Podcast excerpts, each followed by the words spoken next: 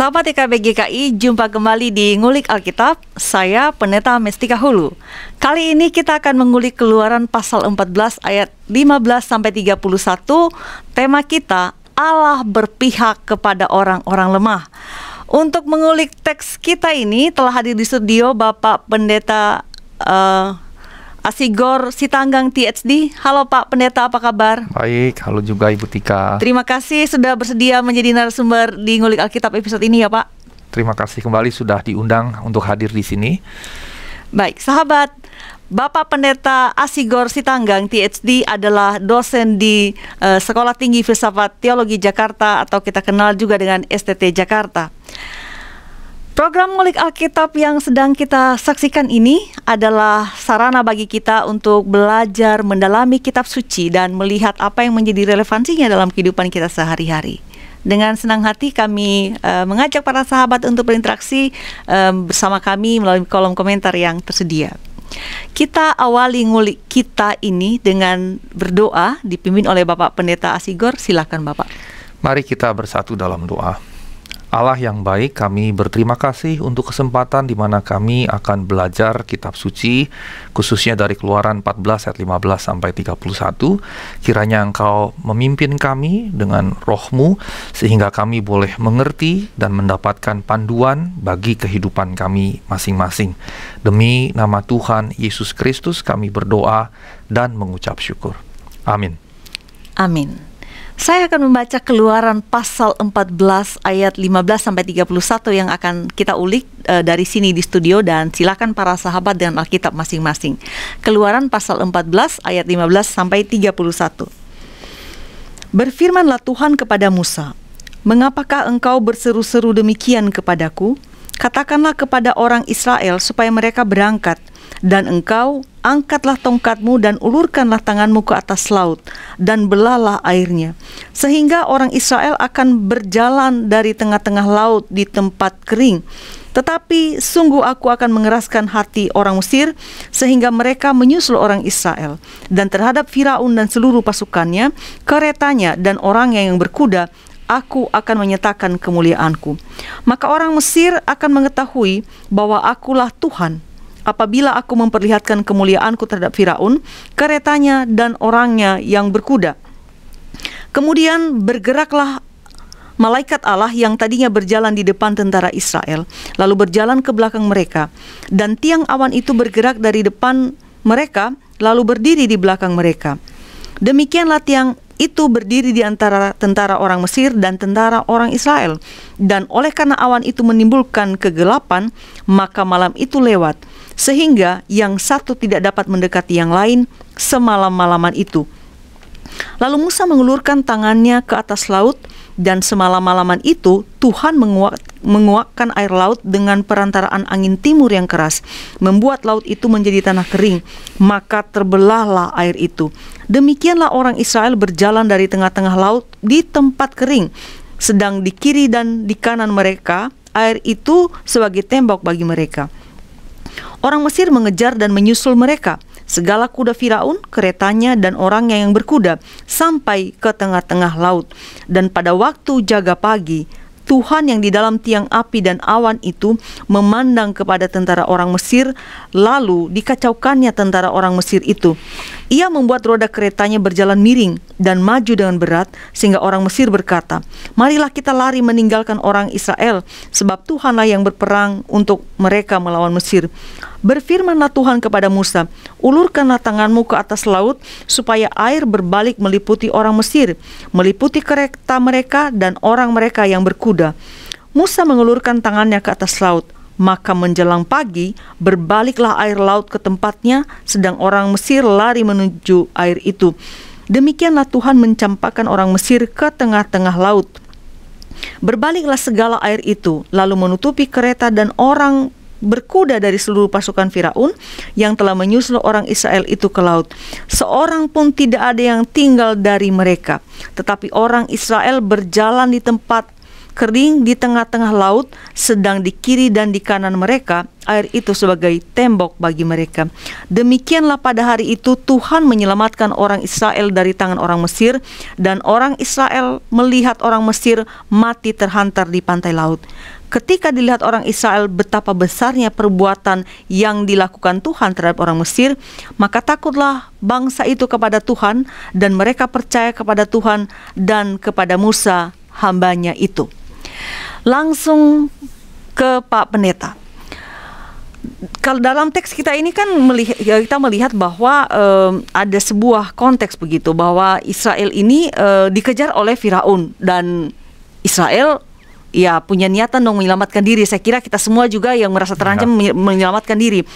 Nah, persoalannya adalah ada laut yang mengadang mereka. Nah, pertanyaan saya ke Pak Pendeta membuka ngulik kita ini adalah bagaimana Israel akan selamat dengan Firaun di belakang siap untuk me mengejar mereka, tetapi laut Teberau juga menghadang mereka tidak ada jalan, tidak ada depan belakang nih susah nih. Gimana ya. ini Pak Pendeta?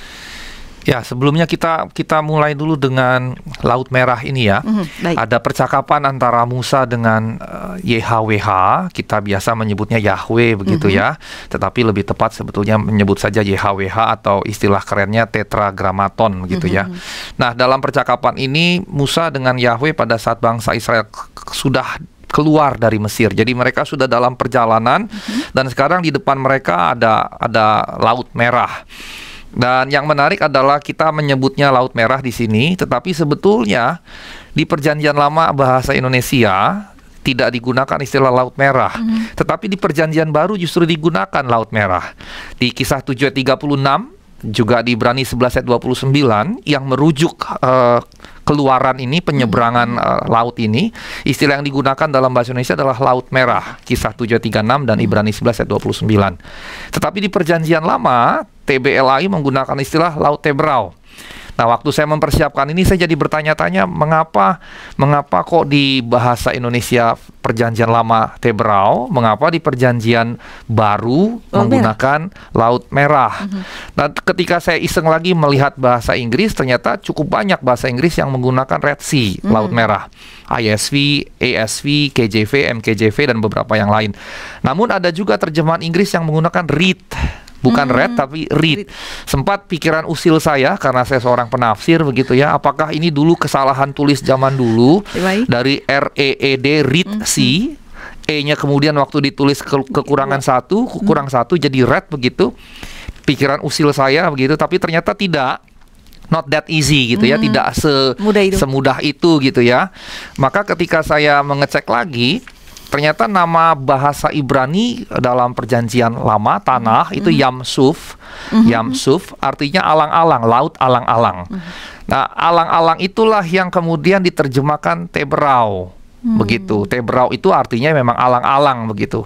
Nah, Laut Merah yang digunakan oleh uh, Perjanjian Baru tadi maupun juga oleh banyak bahasa Inggris, teks bahasa Inggris merupakan terjemahan dari Eritrea, Talasa. Talasa itu laut sebetulnya. Mm -hmm. Dan Eritrea ini tidak harfiah merah, hmm. tapi dia merujuk pada sejenis tumbuhan Trichodesmium erythraeum. Hmm yang sebetulnya kalau bahasa kita sehari-hari ya rumput laut gitu ya rumput Baik. laut. Nah menariknya uh, seperti yang ada di tayang di gambar ini rumput laut ini pada saat musim uh, ya mekar lah kalau kembang mm -hmm. bunga itu mekar begitu mm -hmm. ya dia jadi warna merah begitu terutama di shore-nya di pantainya warna merah mm -hmm. karenanya kemudian dia dirujuk sebagai laut merah lalu mengapa teks perjanjian uh, lama kita pakai Tebrau, teks perjanjian baru kita pakai Laut Merah. Hmm. Nah, eh, rekan-rekan yang terkasih sebetulnya ini yang memikat dari dari kebebasan kita menerjemahkan sekaligus menafsir dan menggunakan sumber-sumber uh, terjemahan yang ada atau sumber-sumber bahkan bahasa asli yang ada. Dan kadang-kadang kalau saya bandingkan LAI, TB LAI gitu dengan Alkitab bahasa Inggris kadang-kadang ada kemiripan, kadang-kadang beda begitu. Kadang-kadang saya jadi berpikir waktu TB diterjemahkan kita belum lahir. Ya. 70 awal itu saya juga belum lahir, Ibu Tika juga belum lahir. Jadi penerjemah waktu itu juga mungkin sudah tidak hadir lagi di di sini. Saya jadi mencoba menafsir mengapa diterjemahkan begitu. Nah, dengan kata lain, dengan kata lain, eh, terjemahan Yunani Erythra Thalassa itu digunakan oleh Septuaginta, oleh Septuaginta. Mm -hmm. Septuaginta adalah Alkitab Perjanjian Lama uh, berbahasa Yunani diterjemahkan dari Ibrani. Jadi Ibraninya pakai Yamsuf, mm -hmm. laut alang-alang, mm -hmm. tetapi penerjemahnya memahami bahwa yang dirujuk adalah laut yang pada musim tertentu berwarna merah karena uh, Trichodesmium mm -hmm. erythraeum ini, maka kemudian mereka memakai istilah yang berlaku umum dalam bahasa Yunani untuk laut itu, yaitu Erythra thalassa. Mm -hmm. Sehingga Septuaginta pakai itu dan kemudian mengapa uh, perjanjian baru TBLAI menggunakan laut merah? Berarti TBLAI penulisnya menggunakan Septuaginta sebagai hmm. rujukan okay. waktu mereka menulis perjanjian baru kisah Rasul dan Ibrani tadi. Hmm. Hmm. Mereka tidak menggunakan rujukan kepada teks Ibrani dan ini menunjukkan sebetulnya aksesabilitas uh, umat Kristiani mula-mula pada zaman itu cukup erat dengan Alkitab uh, Septuaginta Perjanjian Lama berbahasa uh, Yunani. Hmm. Itu yang membuat terjadi perbedaan itu. Hmm. Jadi kalau ibu bapak di rumah mencari di dalam Alkitab kok di perjanjian lama Tebrau di perjanjian baru hmm. di dua teks dirujuk sebagai laut merah. Kira-kira dasarnya itu dua istilah tadi merujuk pada satu tempat yang sama. Hmm. kira-kira demikian. Baik.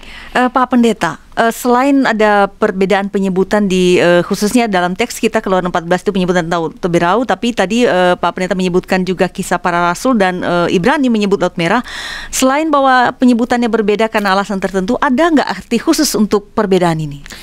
Ya, uh, baik. Terima kasih Ibu Tika. Ibu apa yang terkasih, kalau dalam dunia biblika maka kita akan merujuk pakar-pakar modern. Nah, pakar-pakar modern sebagian dari mereka tidak semua mengajukan sebuah teori yang mereka sukai di mana nama merah ini mengacu pada arah selatan. Mm-hmm. Sementara laut hitam misalnya merujuk pada utara. Jadi kalau selatan istilah merah sering digunakan merujuk selatan, hitam merujuk utara. Rupanya pada zaman waktu itu beberapa bahasa bahasa di wilayah mm-hmm. Asia uh, kata-kata yang merujuk pada warna digunakan untuk arah uh, mata angin. Mm-hmm. Dan Herodotus misalnya menggunakan istilah laut merah, laut selatan secara bergantian yang menunjukkan ada semacam kesukaan mereka, mm-hmm. preferensi mereka untuk menggunakan warna-warna untuk arah-arah angin hmm. ini. Hmm. Dan berikutnya uh, hubungan Laut Merah dengan catatan Alkitabiah, maksudnya catatan di dalam Alkitab kita tentang orang Israel yang menyeberangi Laut Merah ini sungguh catatan yang sangat kuno, sangat kuno. Artinya bahwa baik penggunaan istilah tebrau, yam suf maupun juga penggunaan laut merah itu adalah penggunaan yang sangat kuno. Uh, bisa dikatakan yam suf bahkan lebih kuno sebetulnya dari dari laut merah karena laut merah kemudian digunakan sampai zaman modern. Hmm. Nah, uh, waktu diterjemahkan ke dalam uh, Septuaginta, kitab Keluaran, maka waktu diterjemahkan ke dalam bahasa Yunani kuno pada abad ketiga sebelum Masehi, Yamsuf itulah yang kemudian diterjemahkan alang-alang. Nah, jadi persoalan adalah begini. Sebagian pakar bilang di Laut Merah nggak tumbuh alang-alang. Hmm. Karena nggak mungkin alang-alang tumbuh di air asin. Baik. Argumentasinya begitu. Hmm. Jadi ini kayaknya nggak mungkin nih. Dan otomatis kalau kita menggunakan dalil itu sebagai sebuah pegangan, maka keluaran dan menyeberangi laut merah ini jadi dongeng mm-hmm. sepenuhnya pure pure dongeng mm-hmm. pure myth gitu jadi murni mitos begitu tetapi salah seorang pakar Colin Humphreys misalnya seorang profesor di bidang biblika khususnya perjanjian lama dia katakan bahwa uh, perbedaan tersebut sebetulnya atas dasar rawa uh, rawa-rawa begitu ya, rawa-rawa alang-alang air tawar mm -hmm. itu mungkin ada di sekitaran uh, Akaba Nah, uh, dalam peta yang sudah saya sediakan, saya mendapatkan peta dari internet, saya Google, saya cari ada dari Eric Gaba dan saya harus cantumkan di situ ya. Ya, saya harus betul. cantumkan karena diminta di situ waktu saya copy Anda harus mencantumkan. Dan menariknya ini high resolution, ternyata begitu saya zoom ta- tadinya gambarnya kecil, begitu saya zoom ternyata di sebelah kiri ada ada Gulf of Suez, terusan Suez. Sebelah kanan sedikit lebih kecil itu ada ada Gulf of Aqaba atau ada terusan Aqaba. Nah, menurut Profesor uh, Colin Humphreys ini kemungkinan besar itu yang dirujuk dengan sebutan Yam Suf tadi Ya, atau Red Sea juga ya. atau yang kemudian disebut Red Sea tadi, begitu. Itu jadi rujukan. Nah, dari sini apa yang kita bisa simpulkan? Yang kita bisa simpulkan adalah bahwa eh, ini sebetulnya ada nuansa historisnya.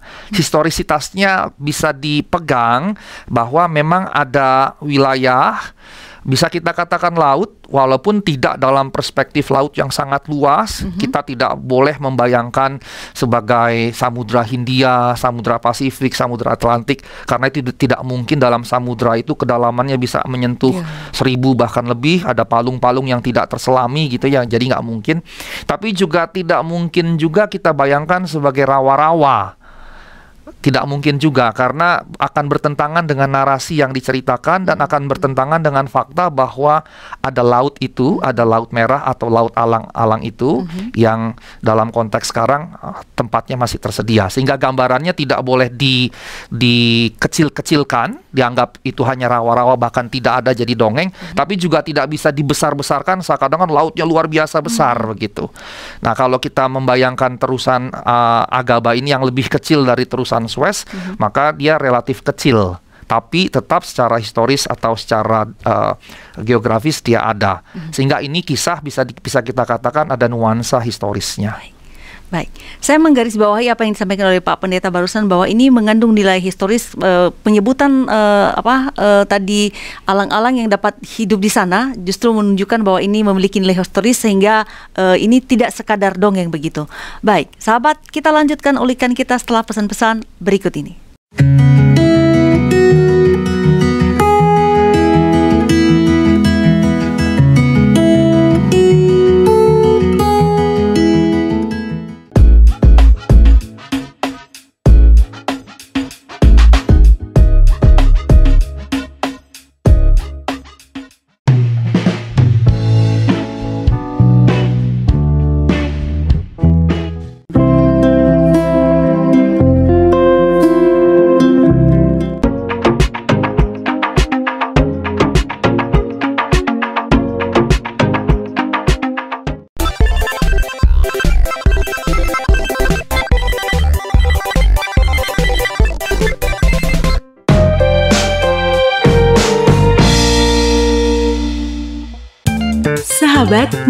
Mari dukung pelayanan dan pekabaran Injil melalui YKB dengan membagikan link acara ini kepada sebanyak mungkin orang. Dukungan juga dapat saudara lakukan dengan mentransfer dukungan finansial ke rekening BCA ke nomor 450 305 2990 450 305 2990 atas nama Yayasan Komunikasi Bersama.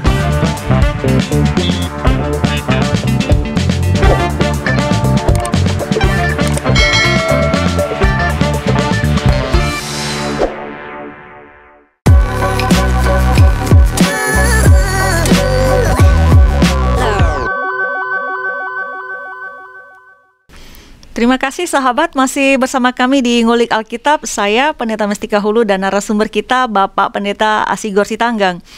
Saat ini kita sedang mengulik keluaran pasal 14 ayat 15 sampai 31 dengan tema Allah berpihak pada orang-orang lemah. Saya mau langsung kembali nih ke Pak Pendeta. Eh, tadi sudah menjelaskan mengenai eh, laut ini eh, Teberau dan eh, ada perbedaan ya perbedaan penyebutan Teberau dan eh, laut atau Laut Merah. Namun yang jelas di sini bahwa ada terkandung peristiwa historis. Pertanyaan saya ke Pak Pendeta nih meng- membuka segmen kedua ini. Ya.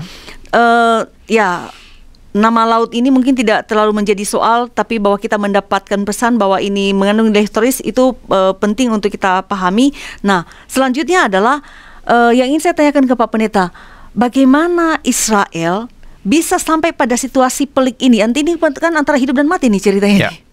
Baik, uh, terima kasih Bu Tika. Ibu Bapak yang terkasih, kalau kita melihat mundur satu pasal mm -hmm. di Keluaran 13, maka dalam Keluaran 13 ada kisah yang cukup panjang di situ mm. diceritakan ya. Uh, ayat 1 sampai 2 itu ada perintah pengudusan mm. anak sulung oleh YHWH. Uh, kemudian dari situ ada penetapan hari raya roti tak beragi yang berlangsung selama tujuh hari ini hari raya yang setelahnya dirayakan terus menerus hmm. begitu ya dan panjang sekali tujuh hari bayangkan dan penetapan ini dilaksanakan dari ayat 3 sampai 16. Nah setelah hari raya tak beragi ini jadi semacam uh, pembuka begitu ya perayaan untuk melakukan prosesi keluar begitu. Dan di 17 sampai 22 itulah kemudian bangsa Israel keluar dari Mesir.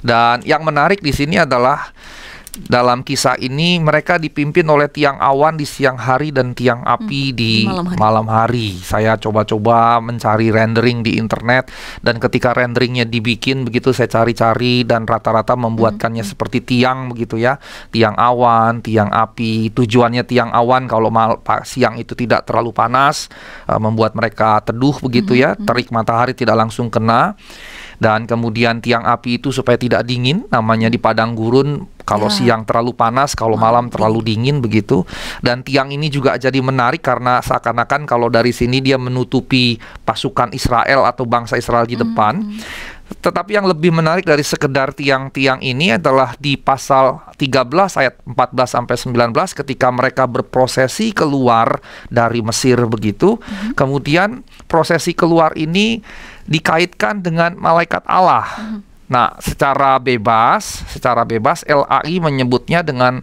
malaikat Allah dengan huruf M dan A yang besar, ya. bukan hanya Allah yang A-nya besar tapi, tapi M-nya juga besar. Biasanya dalam diskursus teologi kita akan berkata itu adalah Kristus sebelum kedatangannya hmm. gitu ya, atau Kristus sebelum dimuliakan begitu. Hmm. Hmm. Dengan kata lain, dengan kata lain uh, ketika disebut malaikat Allah bukan dengan M kecil, bukan dengan M kecil tapi dengan M besar, ini seperti Allah yang menampakkan diri dalam rupa malaikat. Hmm, hmm. Dan di perjanjian lama selalu ada penampakan-penampakan Allah kepada umatnya yang kadangkala disebut teofani ya, ya teofani hmm. disebut teofani dan salah satu momen penting di mana Allah kemudian menampakkan dirinya dalam wujud malaikat adalah di sini.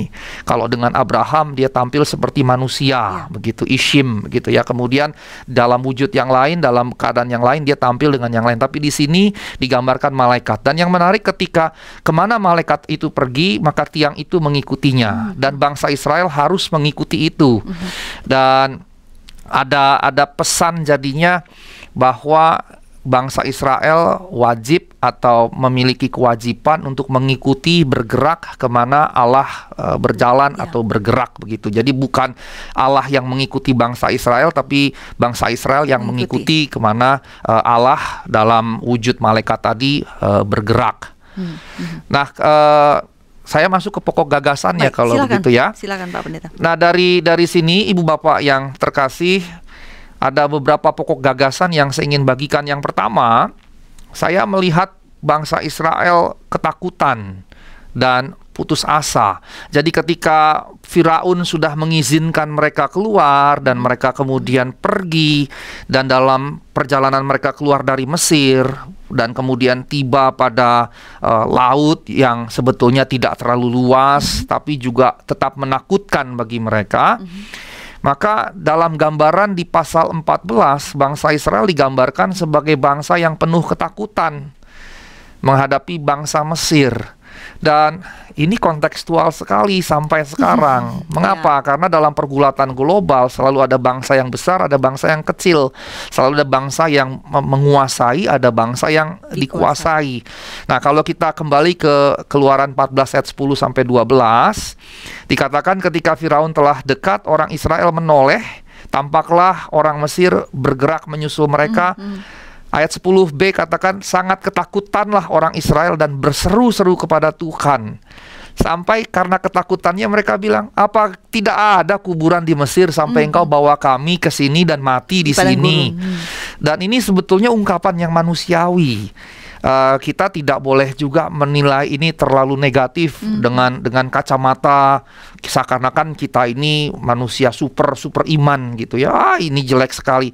Ini justru ungkapan yang sangat manusiawi ketika ketika kita berada dalam situasi yang yang mentok kiri kanan depan belakang kita berada dalam situasi yang putus asa begitu. Dan kalau saya bergerak sedikit lebih jauh orang yang mau bunuh diri kan rata-rata dalam posisi di mana nggak ada solusi lain. ada jalan lagi. nggak ada jalan lain. Dan di sini mereka juga berpikir ini nggak ada jalan lain. Kita mati nih.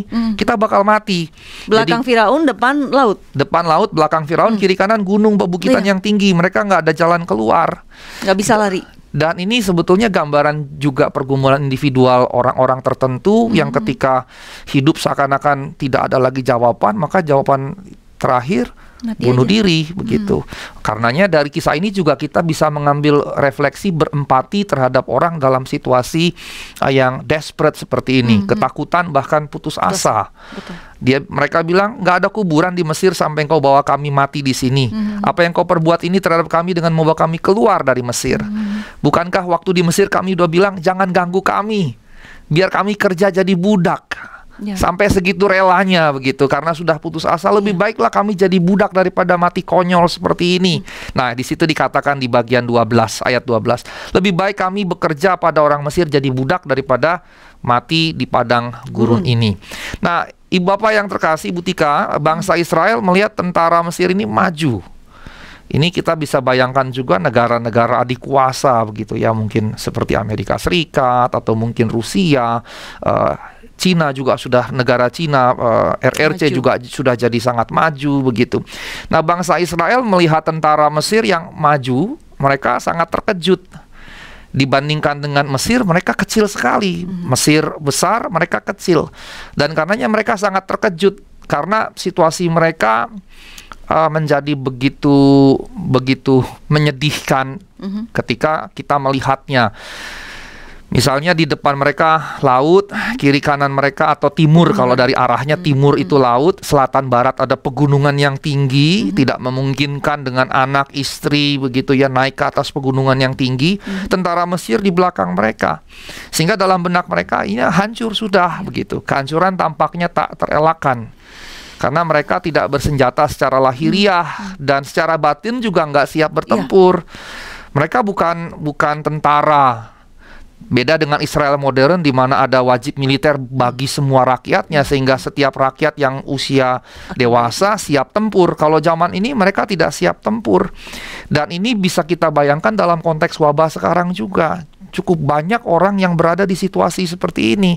Wabah ini bukan hanya membuat kita bisa menderita karena terkena uh, COVID dan kemudian sakit, tapi dampak ekonominya luas sekali. Ada banyak perusahaan yang bangkrut, ada banyak orang yang dipecat.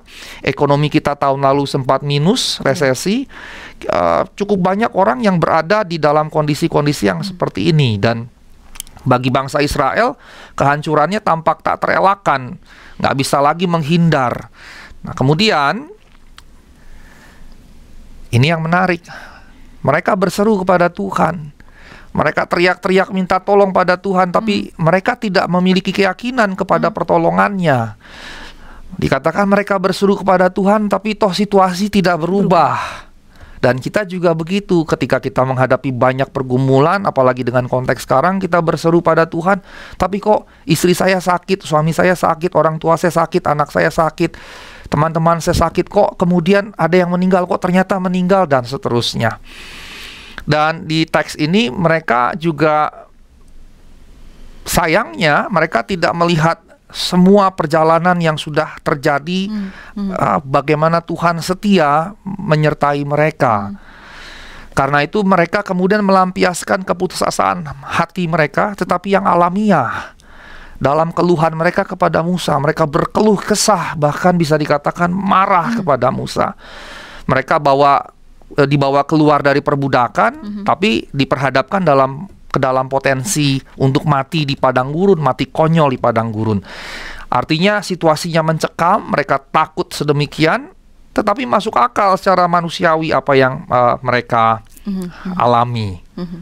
Dengan kata lain, situasi yang dihadapi oleh Israel adalah situasi yang manusiawi masuk akal untuk menjadi takut dan putus hmm. asa mm-hmm. adalah manusiawi untuk takut dan putus asa begitu juga dengan uh, kita sekalian uh, baik uh, saya mau men, ini mes, apa semacam merespon apa yang disampaikan oleh Pak Pendeta bahwa Israel ini kan keluar atas ya quote in quote lah izin Firaun kan karena kematian anak sulung dan berbagai peristiwa itu dan bahkan kalau kita bisa membaca misalnya kita mundur begitu ke, ke pasal-pasal sebelumnya uh, justru bangsa Mesir memaksa untuk Israel ini keluar. Nah, saya ingin tanyakan ke Pak Pendeta nih, uh, kenapa sih sekarang setelah diizinkan pergi, malah dia ngejar Israel lagi nih? Apa sih sebenarnya yang yang dimauin oleh Firaun ini? Ya, ini menjadi satu pertanyaan yang menarik Karenanya saya masuk pada poin yang kedua. Hmm. Dua kali dalam perikop kita ini, dua kali dalam perikop kita ada perkataan aku akan mengeraskan hati orang Mesir. Hmm. Itu ada di ayat yang pertama itu ada di 14a, kemudian yang kedua itu ada di ayat yang ke-17. Hmm. Aku akan mengeraskan. Nah, Ibu Bapak yang terkasih, ini menjadi sebuah percakapan yang menarik. Hmm. Mengapa? Karena Aku akan mengeraskan hati Firaun jadi semacam terjemahan umum hmm. dalam pengertian bahwa umumnya penerjemah-penerjemah Alkitab bukan hanya LAI bahasa Indonesia tapi bahasa-bahasa Inggris hmm. karena ada banyak versi dalam bahasa Inggris juga waktu saya cek bahasa Jerman dan bahasa Belanda begitu ada ada ada kecenderungan memang mem memahaminya aku akan mengeraskan hati hmm. Firaun hmm. begitu. Jadi terjemahan bahasa Indonesia terjemahan yang juga digunakan oleh cukup banyak penerjemah-penerjemah atau lembaga-lembaga Alkitab. Namun dengan mengatakan aku akan mengeraskan hati Firaun mendap menghasilkan pemahaman bahwa Allah yang membuat Firaun mengeraskan hati mengeraskan hati Firaun untuk menangkap kembali orang-orang uh, Israel. Terjemahan Indonesia mengeraskan, hmm. terjemahan Inggris harden, hmm. memberi kesan begitu. Jadi seperti Allah yang membuat hati Firaun keras, udah dilepas, ditangkap lagi begitu. Mau diperbudak lagi. Dan kesannya Firaun jadi hanya boneka. Dan lebih parah lagi, kita bisa bahkan membahasnya, menja- men menyatakan Allah terlibat dalam kejahatan Firaun jadinya. Mm-hmm. Firaun cuma jadi boneka, tetapi kemudian kejahatan Firaun sebetulnya Allah yang uh, menyebabkannya sehingga jadinya Allah terlibat dalam kejahatan. Oh, ya, malah seolah-olah aktornya ya. Seolah aktornya hmm. dan ini jadi jadi seperti toys gitu ya, uh, puppet show yang hmm. yang mana Allah jadi sutradara dan mereka jadi puppetnya begitu. Hmm. Nah, apakah demikian? Sebelum saya bahas begitu ke sana, sebetulnya percakapan yang menarik dari hmm. John Hick, seorang filsuf uh, Inggris ini John Hick ini menelusuri sejarah moral teodisi. Kalau kita bicara ini, bicara apa yang sedang kita percakapkan, maka kita bisa tiba pada teodisi dari kata theos dan hmm. dike, keadilan Allah.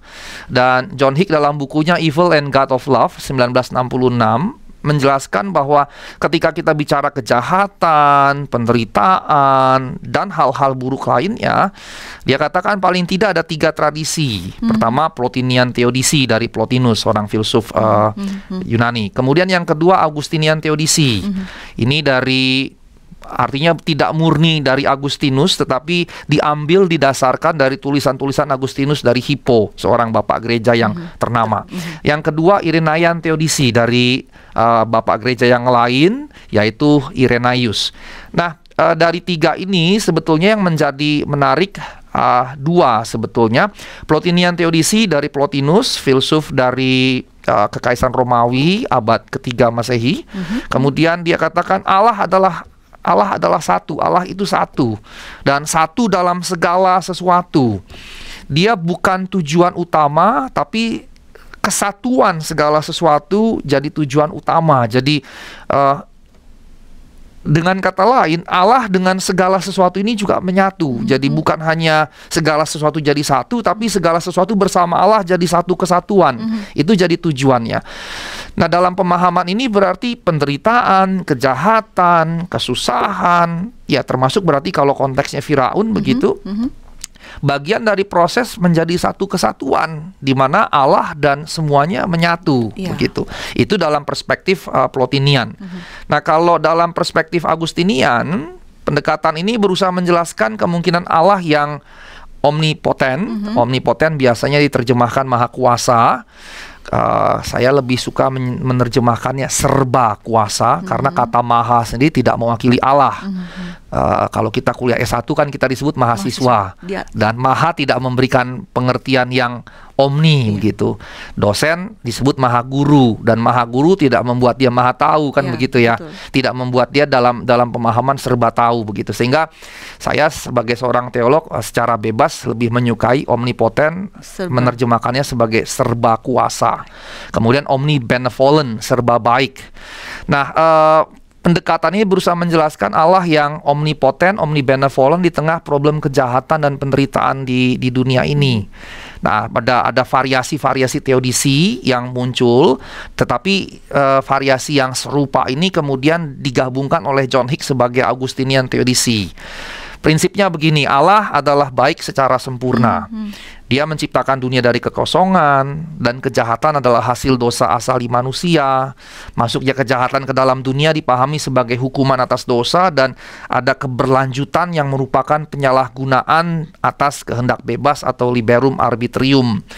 Sehingga kemudian kebaikan kemurahan Allah tetap sempurna dan tanpa tanggung jawab kepada kejahatan ataupun penderitaan. Dalam model ini berarti kalau kita bawa ke dalam konteks uh, Firaun, maka bukan Allah yang menyebabkan Firaun berlaku jahat begitu, bukan Allah karena hmm. Allah tidak terlibat di dalamnya, melainkan lebih kepada tentunya secara luas sebagai akibat dosa, tetapi juga penyalahgunaan kehendak bebas hmm. manusia atau liberum arbitrium. Nah, kalau kita masuk ke Irenaean teodisi, maka dia pahami bahwa penderitaan itu hadir sebagai pengembangan rohani. Hmm. Jadi kalau saya menderita, maka Allah mengizinkan itu supaya jiwa saya bertumbuh, berkembang mencapai kedewasaan. Ini kan dalam aliran-aliran keagamaan yang yang senang meditasi mm -hmm. segala mm-hmm. macam ini masuk ke dalamnya nih, suka menyendiri dan seterusnya begitu ya. Nah, Allah sepenuhnya bertanggung jawab terhadap derita dan penderitaan. Artinya kalau Firaun seperti itu, Allah yang menyebabkan itu, tetapi itu tidak dilihat dalam kacamata bahwa ini buruk begitu. Mm -hmm yang jahat yang kita derita sesungguhnya tidak jahat. Ya. Artinya ada greater cause mm-hmm. dan ada greater goal begitu. Ada sebab yang jauh lebih besar, lebih agung. ada juga tujuan yang lebih besar, lebih agung mm-hmm. begitu. Singkat katanya itu untuk kebaikan lah ya. Saya jadi ingat uh, motonya Ordo SJ ya. Mm-hmm.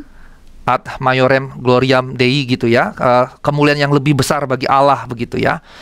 Dan derita-derita ini akan membuat uh, menjadi baik karena akan membuat jiwa kita jadi lebih baik menurut uh, Agustinian uh, Iren teodisi ini ya, Irenayan teodisi ini menurut Irenayan. Nah, yang menarik adalah kemudian bagaimana kita melihat uh, kisah Israel dan Mesir dalam perspektif ini misalnya. Baik. Uh, Pak Pendeta, kita jeda dulu, kita lanjutkan setelah pesan-pesan berikut ini.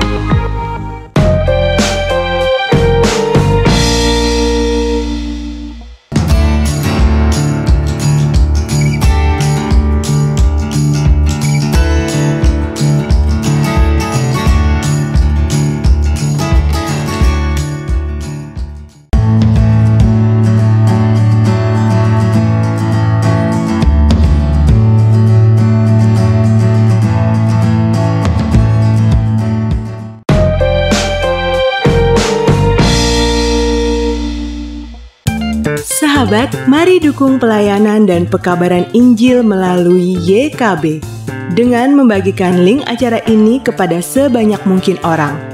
Dukungan juga dapat saudara lakukan dengan mentransfer dukungan finansial ke rekening BCA ke nomor 450 305 2990 450 305 2990 atas nama Yayasan Komunikasi Bersama.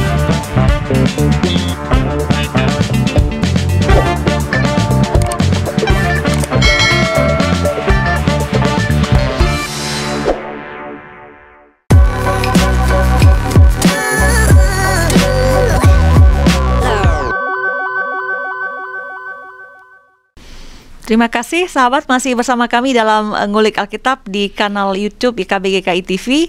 Saya Pendeta Mestika Hulu dan narasumber kita Bapak Pendeta Asigo Sitanggang. Saat ini kita sedang mengulik Keluaran pasal 14 ayat 15 sampai 31 dengan tema Allah berpihak pada orang-orang lemah.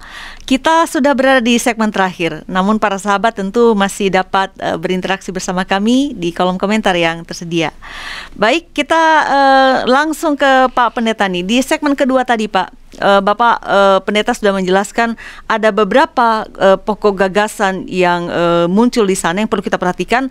Ada Israel yang uh, ketakutan dan putus asa karena apa yang mereka alami dan kemudian uh, tadi di bagian di penghujung uh, segmen kedua Pak pendeta menjelaskan bahwa Tuhan ini mengeraskan hati Firaun. Nah, saya mau tanya ke Pak Pendeta nih, supaya menjadi jelas bagi para pemirsa ngulik Alkitab, apa iya Pak Tuhan itu mengeraskan hati Firaun? Atau apa sih sebenarnya yang terjadi di sana? Ya, baik. Terima kasih. Uh, seperti tadi sudah ada tiga model tradisi hmm. teodisi dari John Hick, maka pertanyaannya adalah lalu bagaimana nih kejadian ini kita lihatnya dari perspektif Plotinian, Agustinian atau Irenaian Iren, begitu ya. Nah, ketika kita kembali ke dalam teks Alkitab, -hmm. uh, kata bahasa Ibrani aku akan mengeraskan maka dia merupakan terjemahan dari bahasa Ibrani Kazak dan mengeraskan hati. Hati merupakan terjemahan dari lev. Dari situ muncul kata Levi atau orang Lewi hmm, begitu hmm. ya. Nah, kata mengeraskan hati Firaun, frasa ini bisa kita pahami bahwa Allah memaksa Firaun untuk bertindak hmm. dengan cara tertentu. Karena kata mengeraskan berarti Allah mengeraskan hati Allah yang membuat Firaun begitu. Kedengarannya seperti orang Firaun akan membiarkan orang Israel pergi, tapi Allah justru nggak mau begitu. Fira Firaun sudah ingin membiarkan mereka pergi, bangsa Israel pergi, tapi Allah nggak mau Firaun membiarkan mereka pergi hmm. begitu. Ini kan jadi kayak kayak great plot begitu ya. Hmm. hmm. Dan Allah jadi seperti menghentikan bahkan mengabaikan otonomi Firaun bahwa dia punya otonomi atas dirinya sendiri. Hmm. hmm. Nah, seorang penafsir menggagas bahwa kata Kazak dalam bahasa Ibrani bisa juga diterjemahkan memperkuat Hmm. Jadi bukan hardened tetapi strengthened, mm-hmm. bukan mengeraskan tapi memperkuat. Dan hati di sini berarti bisa juga keinginan atau kehendak begitu karena memang Ah, bahasa Ibrani hati ini bisa bicara secara harfiah di dalam hmm. tubuh manusia, hmm. bisa juga bicara keinginan atau kehendaknya begitu sehingga kalau kita memahami bukan dalam konteks yang pertama mengeraskan hati Firaun tetapi lebih kepada memperkuat keinginan kehendak, hmm. maka yang terjadi adalah Firaun memang memiliki kehendak untuk tidak mengizinkan bangsa Israel, Israel mm -hmm. dan Allah hanya memperkuatnya begitu. Mm -hmm.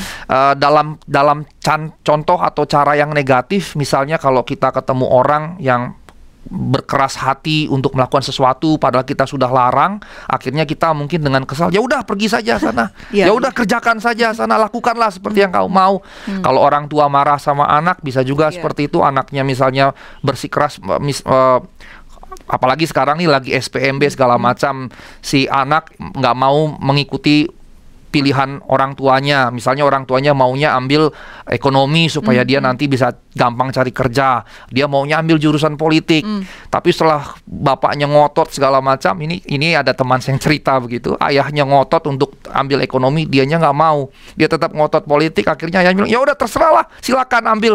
Nah, kira-kira disetujui sebenarnya ya. Sebetulnya bukan disetujui, ya sudah kalau seperti itu kira-kira gambarannya seperti itu. Bukan dalam pengertian uh, Firaun yang ingin melepaskan Israel Israel tapi Allah tidak ingin Firaun begitu. Hmm. Sebaliknya, Firaun justru bersikeras untuk itu. Allah hanya memperkuat itu. Hmm. Tetapi nanti di poin yang berikutnya ada tujuan di balik itu begitu. Baik. Tetapi intinya adalah bahwa ini bukan dalam perspektif apalagi sampai kita tarik ke predestinasi, Allah Hmm. menetapkan segala sesuatu tanpa keterlibatan manusia. Sehingga dengan kata lain eh, terjemahan yang bisa kita berikan Tuhan menguatkan kehendak Firaun dan terjemahan ini juga eh, sama validnya. Bahkan kita bisa usulkan eh, pemahamannya bukan pada Allah yang mengeraskan tapi Allah yang, Yang menguatkan. sehingga Fira- Firaun artinya memang sudah berkehendak untuk memperbudak bangsa Israel seterusnya jadi dia artinya sebetulnya men- mem- mem- membebaskan bangsa Israel karena tanda-tanda itu tapi sebetulnya nggak rela. Dan setelah bangsa Israel keluar mereka baru sadar oh kita akan kehilangan Budak. budak yang sangat banyak ini. Akhirnya kemudian mau diambil kembali dan Tuhan hanya menguatkan kehendak Firaun yang sudah ada. Hmm, hmm. Baik, Tuhan menguatkan kehendak Firaun untuk memperbudak Israel dan kehendak itulah yang membuat Firaun mengejar Israel hingga ke Laut Merah ini. Nah, em, apa gagasan lainnya? Sudah dua yang di, eh, Pak Pendeta jelaskan. Apa gagasan lainnya yang bisa kita lihat juga dari eh, peristiwa Laut Teberau ini? Eh, saya ingat sebelum Pak Pendeta me- me- apa, me- menyampaikan itu dari penjelasan Pak Pendeta saya menangkap begini bahwa eh, Laut Teberau semacam refleksi saya aja nih Pak Pendeta. Laut Teberau itu menjadi batas kekuasaan kekuatan eh, kekuasaan Firaun gitu yang dominan terhadap Israel yang lemah ini.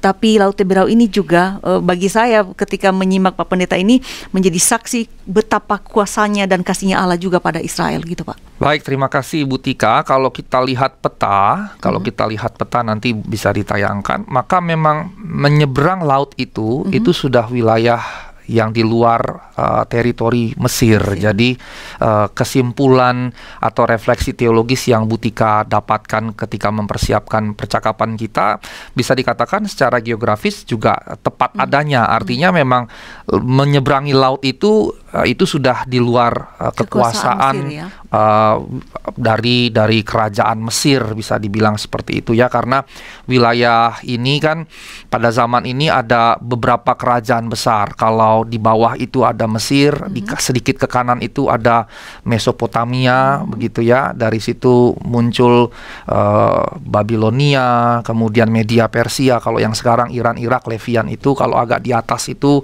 itu Makedonia. Dari situ muncul Yunani Romawi begitu ya.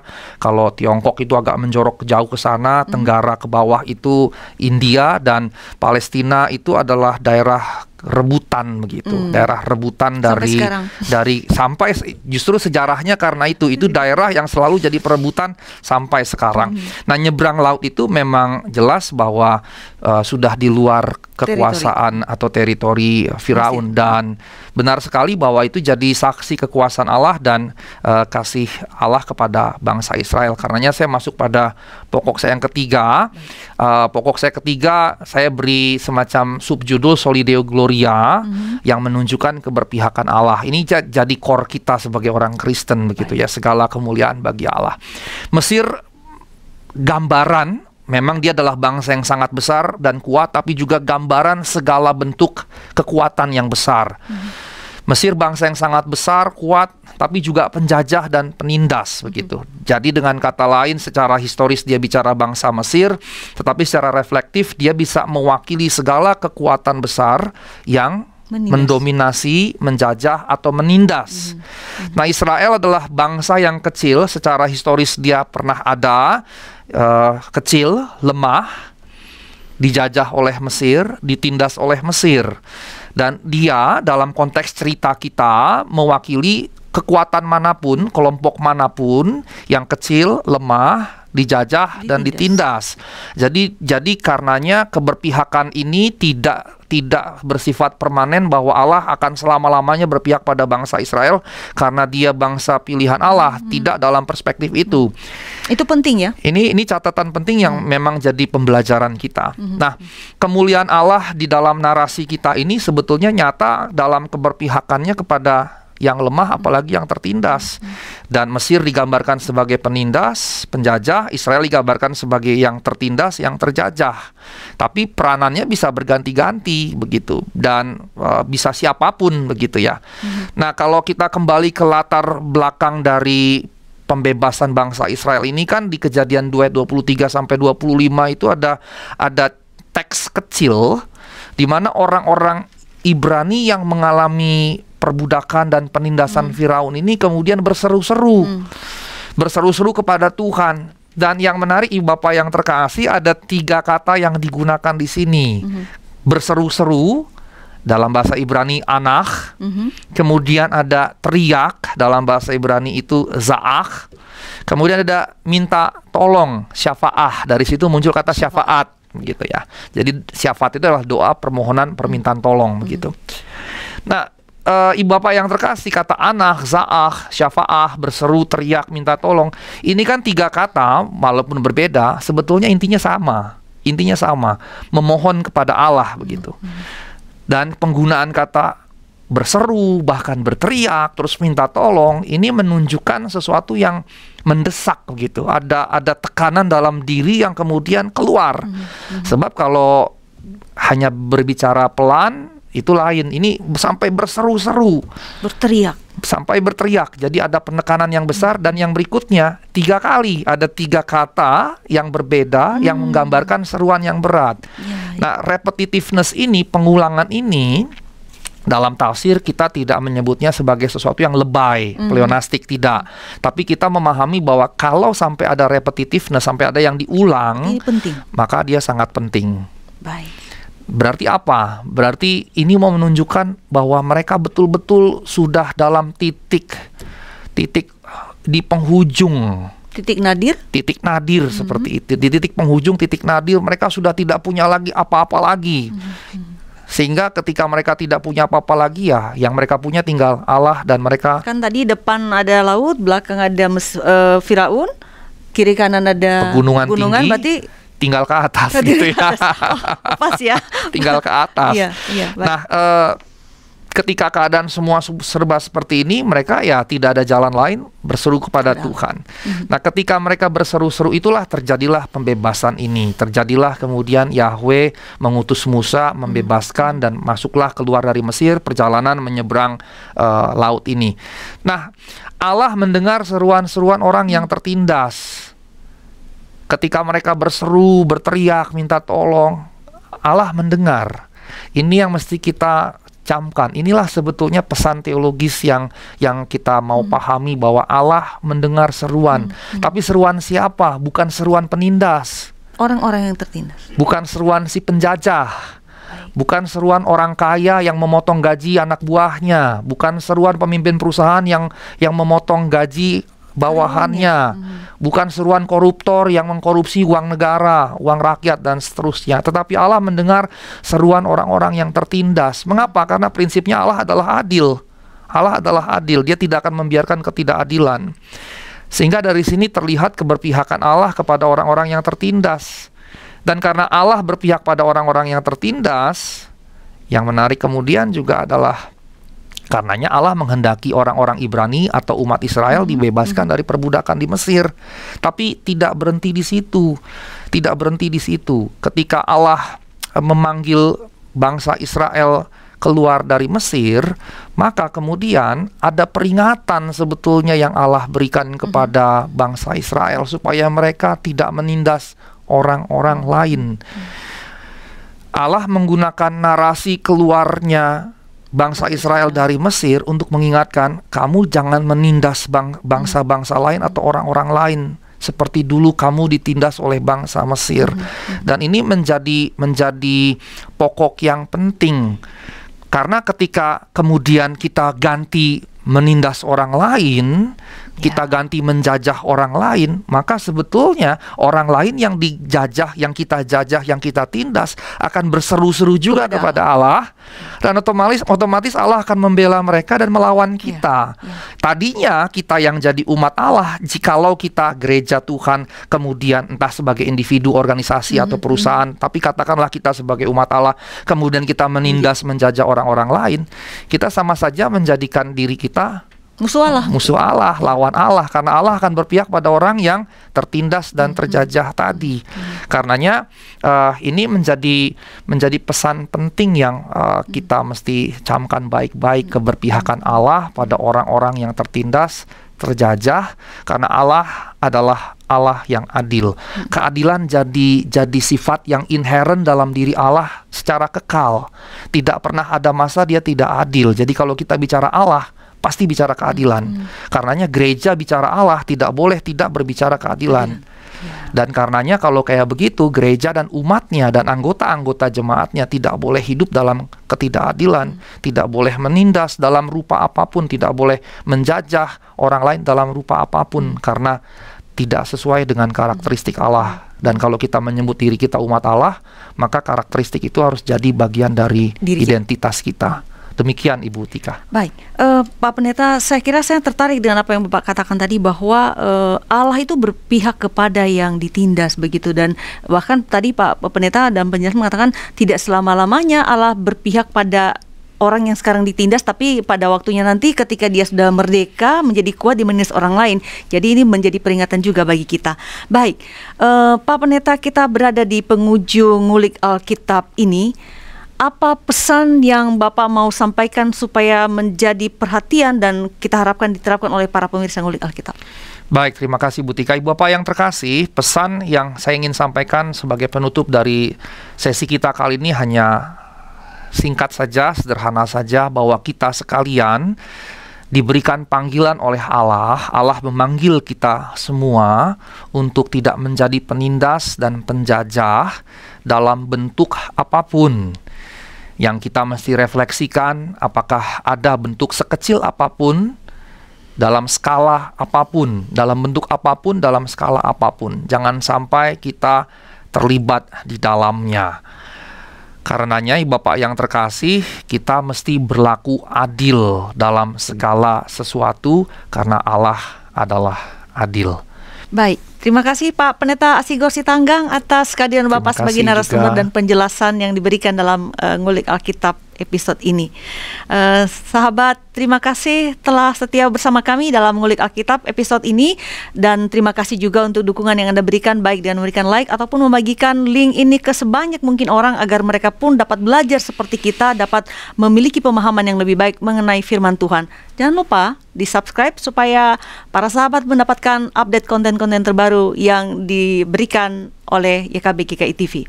Tuntas sudah jumpa kita kali ini, sampai jumpa pada ngulik yang akan datang.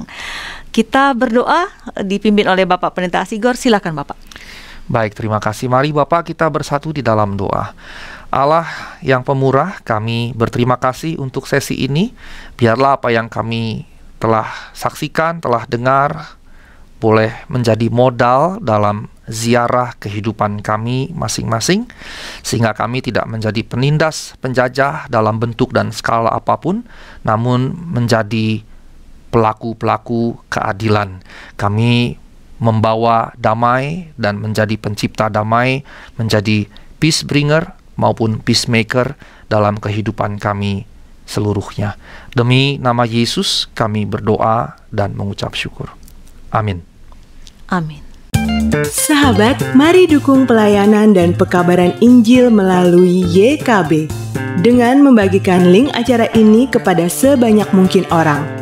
Dukungan juga dapat saudara lakukan dengan mentransfer dukungan finansial ke rekening BCA ke nomor 450 305 2990 450 305 2990 atas nama Yayasan Komunikasi Bersama.